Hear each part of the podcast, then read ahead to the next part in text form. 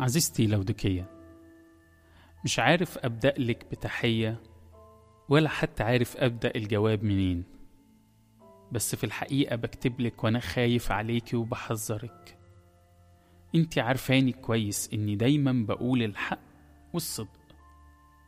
في الحقيقة انتي وصلتي لمرحلة عجيبة وغريبة. وصلتي لمرحلة فترة طعمها مش حلو ولا مرغوب فيها. لا بقيتي مريحة ومبهجة للناس اللي حواليكي ولا بقيتي بتعرفي تساعديهم أو تعالجيهم.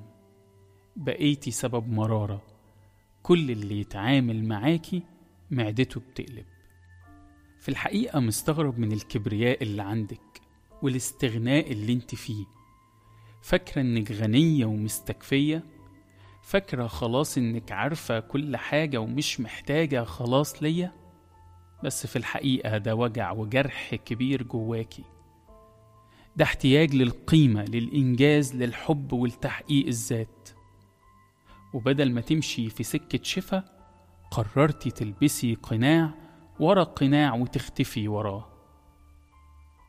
كفاية أقنعة كفاية إنك طول الوقت بتخبي جروحك ومش عايزة تمشي سكة شفا.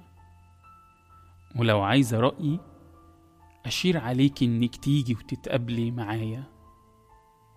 تيجي تتملي مني وتستخبي جوايا وتحرقي كل أقنعة بتلبسيها وتاخدي عيوني وتشوفي بيها علشان تدركي إنك محبوبة ومقبولة وغنية بيا من غير ما تعملي حاجة أو تملكي حاجة.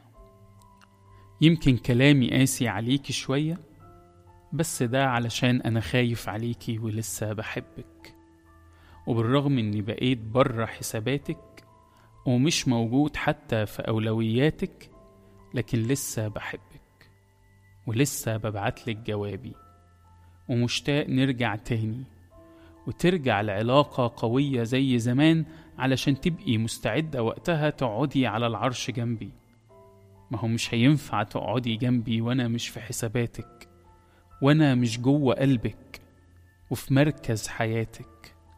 مش عارف هتردي عليا ولا هترمي جوابي زي الجوابات اللي فاتت. بس افتكري إنه أنا مستني زي اللي واقف على الباب عمال يخبط مستني اللي جوه يفتح. بس هيجي يوم وهيمشي من قدام الباب لو ما فتحش. افتكري إنه لسه باقي شوية وقت.